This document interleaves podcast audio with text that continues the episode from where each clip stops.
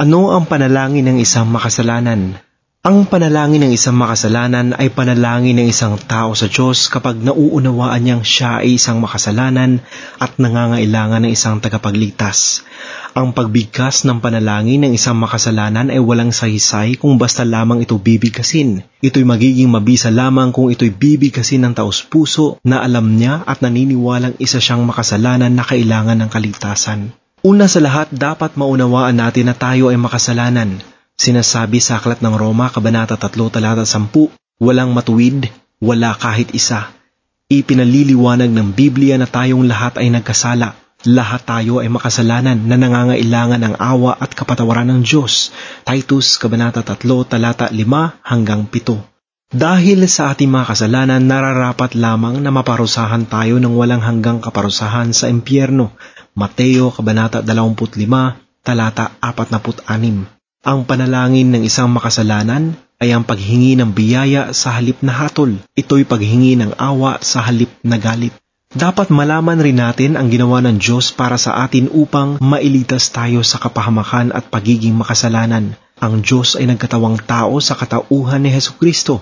Juan Kabanata 1, talata 1 at 14. Itinuro sa atin ni Jesus ang katotohanan tungkol sa Diyos at namuhay siya na isang matuwid at may banal na pamumuhay. Juan Kabanata 8, talata 46. Ikalawang Korinto Kabanata 5, talata 21. Pagkatapos namatay siya sa krus alang-alang sa atin, tiniis niya ang parusang para sana sa atin. Roma Kabanata 5, talata 8.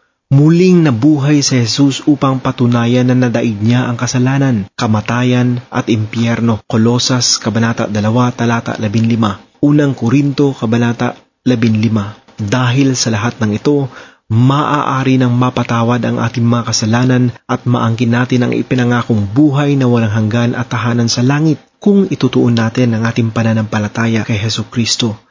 Ang tanging dapat nating gawin ay paniwalaan na si Jesus ay namatay ng dahil sa atin at muli siyang nabuhay mula sa mga patay.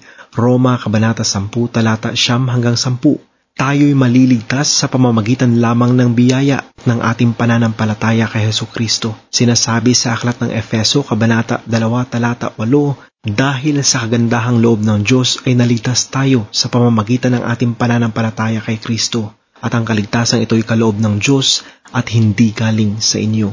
Ang panalangin ng isang makasalanan ay isang simpleng pagpapahayag sa Diyos ng kanyang pananampalataya at pagpapasalamat sa kaligtasang ibinigay sa Kanya. Alalahanin mo na ang pagbigkas ng panalangin ito ay hindi makapaglilitas sa iyo. Tanging ang pananampalataya at pagtitiwala mo kay Kristo ang makapaglilitas sa iyo. Kung naniniwala kang ikaw ay isang makasalanan at nangangailangan ng kaligtasan sa pamamagitan ni Heso Kristo, narito ang panalangin ng isang makasalanan na maaari mong ipanalangin sa Diyos. O Diyos, alam kong nagkasala ako laban sa iyo at nararapat lamang na ako'y parusahan mo. Ngunit inako ni Jesus ang aking kasalanan at tiniis ang parusang dapat ay sa akin. Patawarin mo ako sa aking mga kasalanan. Tinatalikuran ko ang aking mga kasalanan at magtitiwala ako ngayon kay Jesus para sa aking kaligtasan.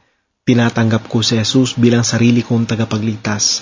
Salamat po sa iyong kahangahangang biyaya at kapatawaran at salamat din sa buhay na walang hanggan. Amen. Ikaw ba ay gumawa ng desisyon para kay Kristo dahil sa iyong mga nabasa dito? Kung oo, i-click ang tinanggap ko si Kristo ngayon sa ibabang kahon.